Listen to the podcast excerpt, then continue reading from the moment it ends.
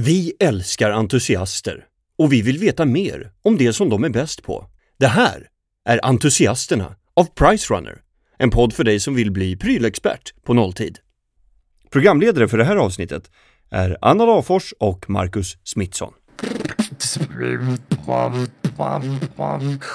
My beatboxing's absurd.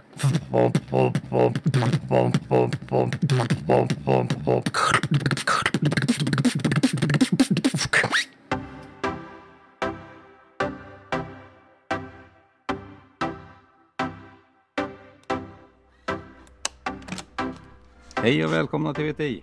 Hej, tack så mycket. Tackar. Tackar, tackar. Var befinner vi oss nu då? Ja, alltså vi har kommit in i vad som ser ut som ett väldigt stort garage. Eh, Det är bilar och, och barnstolar och verktyg och kedjor och Lyftkranar i taket. ja, precis. Och centralt i allting ett stort dike kan man väl säga. Eller en stor ränna. Va, vad är det här i mitten Tommy? Det är faktiskt krockbanan, en av våra två krockbanor. Så ni ser i mitten är eh, framfarten för eh, bilbarnstolsriggen som står färdig. Denna. Okej. Och, och längst bort så är det ett eh, abrupt stopp. Ja, ganska abrupt. Det är alltså ska motsvara att du kör i krock med en vanlig bil, så vi kallar det för bromsanordning. Okej. Och bakom det en stor betongklump. Ja, det går åt mycket för att få hejd på det kalaset när vi kör.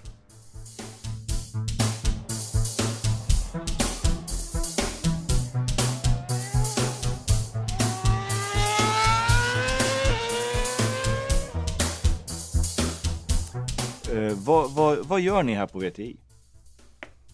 Ja, vi gör rätt mycket vill jag påstå. Eh, generellt sett så, så håller vi på med, med trafiksäkerhet. Alltså ett väldigt, väldigt brett spektra.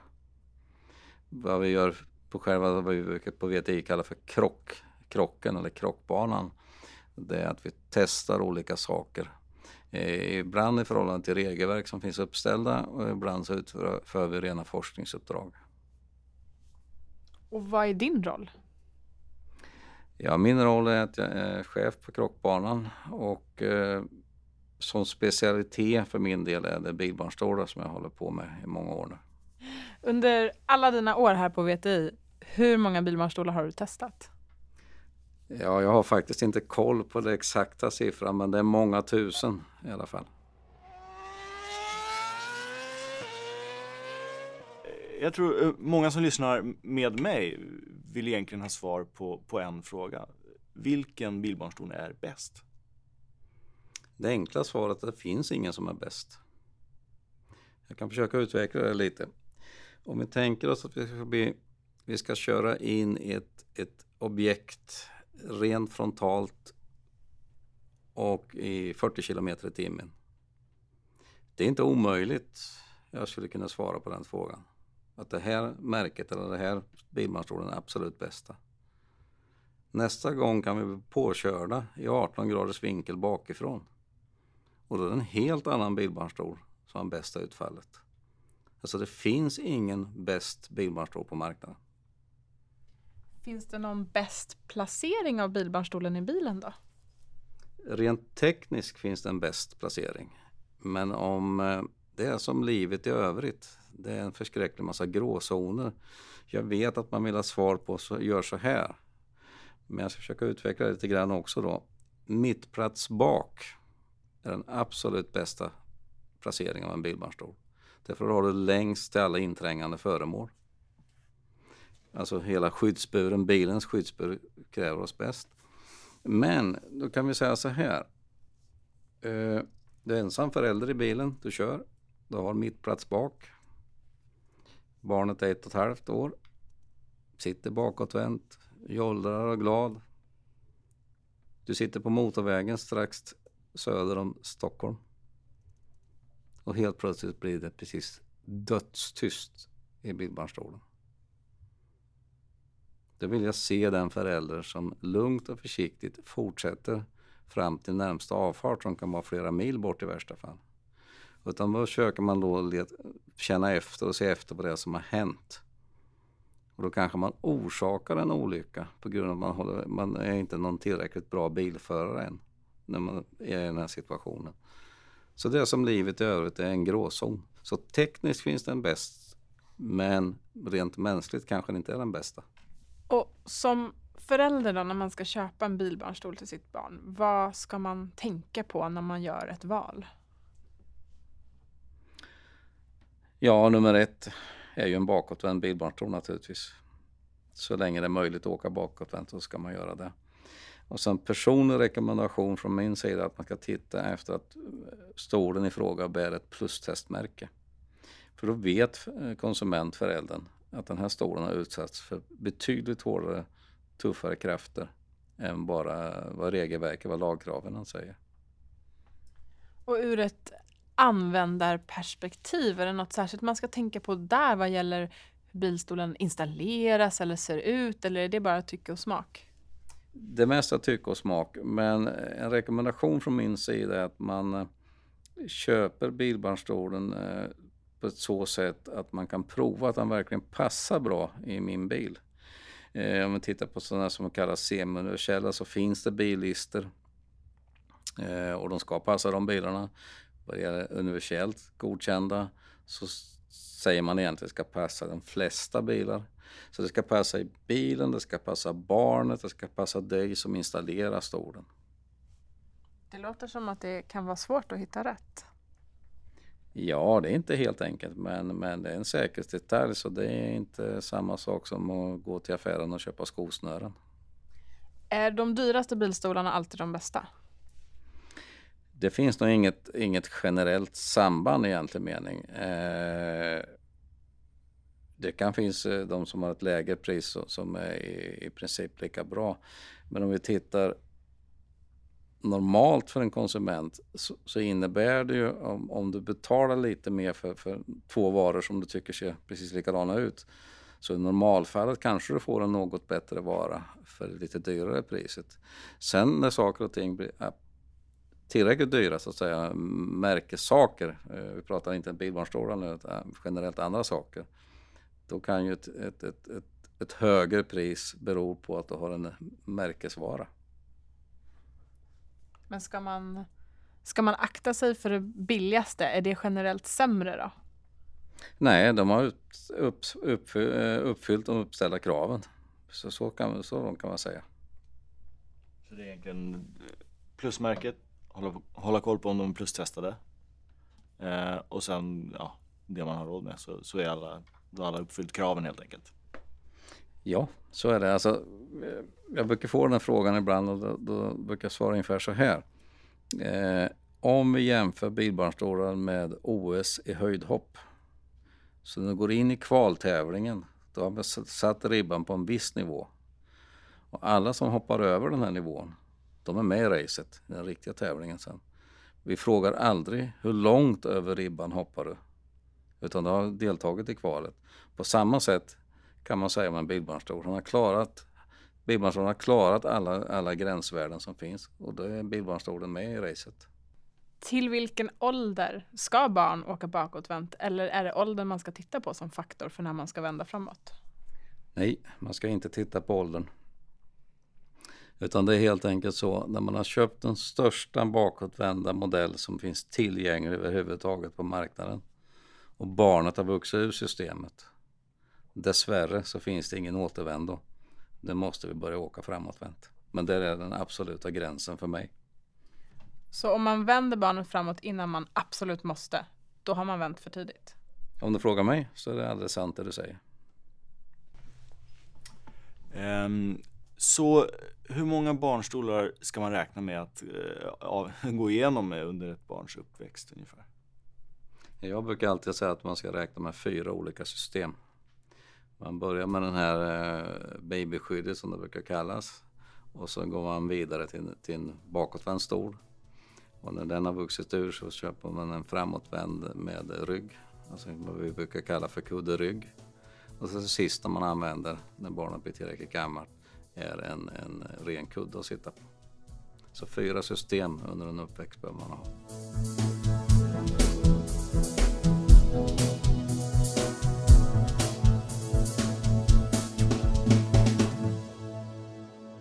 Jag har faktiskt tänkt att visa er en sak idag. Okay. Jag tänkte ni skulle få vara med om en eh, provkörning av en bilbarnstol. Ja, vad spännande. En, en provkrock? Ja, precis. Stämmer bra. Hur, hur går det till? Jag häng med så ska jag visa er. Vad är det här? Är det släde? Det ser ut som ett, Eh, vi har lite olika namn på den. Egentligen heter det en rigg. en rigg. Men ibland kallar vi det för släde också. Det är egentligen en standardiserad provningsrigg som ser likadan ut var du än kommer i Europa. Och andra delar av världen också, vissa delar.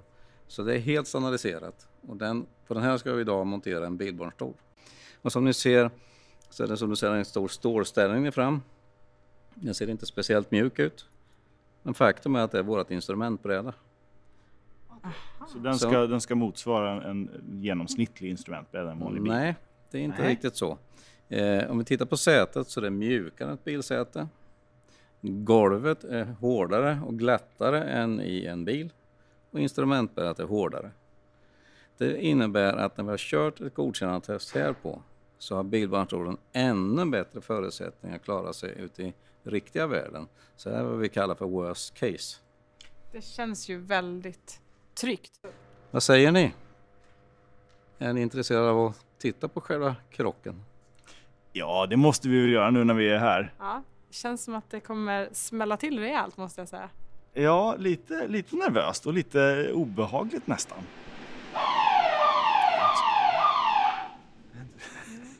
Man blinka. Nej, men precis. Man vill inte missa det. Plus att man är lite så här, hur mycket kommer det låta? Vi kör.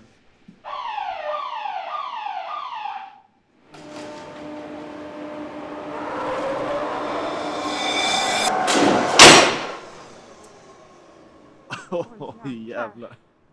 Gud vilken smäll. Vilken, ja. Ja, Det där var ju faktiskt ganska häftigt att bevittna. ja det, var, det var en ordentlig krock. Det är en sån sak som känns okej ändå att se så här i en verkstad men man vill egentligen aldrig se en bilbarnstol med ett barn i smälla till sådär i verkligheten. Nej, nu var det ju inget riktigt barn. Nej, Så det var en provdocka men, Ja. men man ser ju det här när armar och ben Ja. flyger upp och huvudet kastas framåt. Det, det ser brutalt ut. Eh, vad är det du ska visa oss nu Tommy?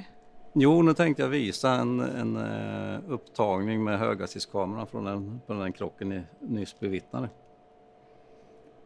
Så sätter vi igång den så här.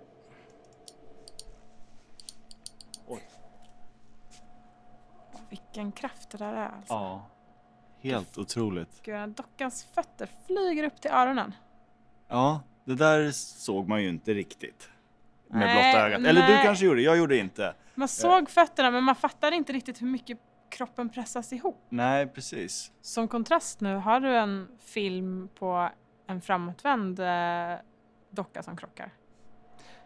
Jajamän, vi kan faktiskt titta på en precis likadant stor som i det här fallet som vi inte tittar på nu. Den här stolen har en förmåga att kunna monteras framåtvänt också. Så ha det i minnet nu att det ni tittar på alldeles strax är faktiskt samma stol fast monterad åt andra hållet. Åh herregud! oj, oj, oj. Oj, fy aj, vad aj. obehagligt. Ja, Åh gud, det gör ont i hjärtat på riktigt att när jag ser det här. Det där, den här dockan det där såg hemskt ut. kastas framåt, huvudet liksom böjs så till den grad Ja, att liksom, till- åh herregud, pannan typ slår i magen nästan. Ja. ja det, Den här dockan, den här krocken, överlever man det här? Ja, man har stor chans att överleva. Men naturligtvis där ni såg alldeles nyss, när den åker bakåtvänt så är ju risken för skador mycket, mycket mindre och även ö- överlevnadschanser är mycket större. Så betänk nu att det är samma stol, det är samma docka och det är samma hastighet som vi har krockat i. det, det, blir ju, det blir ju väldigt tydligt hur mycket säkrare det verkar vara att åka bakåt. Kan vi backa hem till Stockholm igen? Precis. Har du någon tid att passa? Och när ni tittar på det här skottet nu, ni kan bara föreställa er vilka nackkrafter den här dockan utsätts för. Alltså, man håller på att försöka här och, och rent ut sagt rycka huvudet av dockan. Det är enorma nackkrafter. Och det här är också då i fyr- 49,2 kilometer i timmen. Ja. Det är 49,2. Och när ni såg det testet som ni såg alldeles nyss så är det bakåtvänt. Det händer ingenting med nacken egentligen. dockan sjunker in lite grann i stolen och så ser ni en liten, liten sån här rebound som vi kallar när krocken egentligen är över och då har man ingen energi kvar i krocken. Så vad dockan säger åt er egentligen, tack så mycket för en trevlig resa.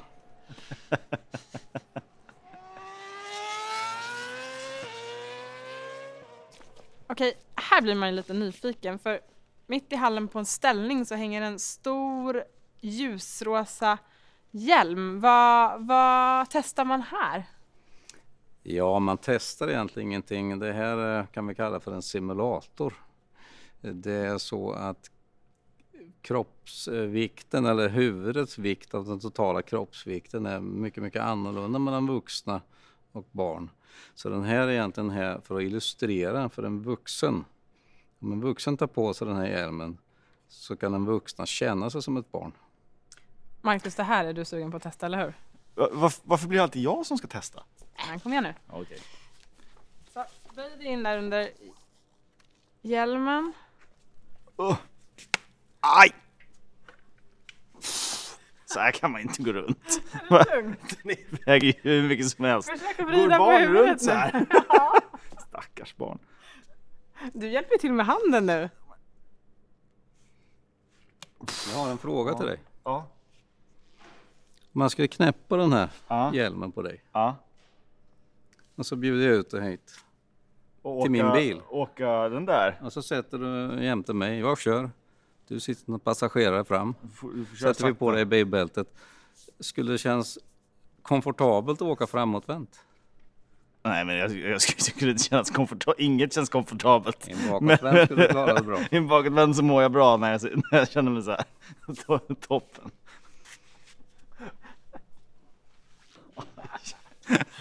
Jag fastnade till och med i kinesiska tullen jag hade med den dit. Ett elände att övertala dem vad det var för något. Det var tvärstopp när jag kom dit.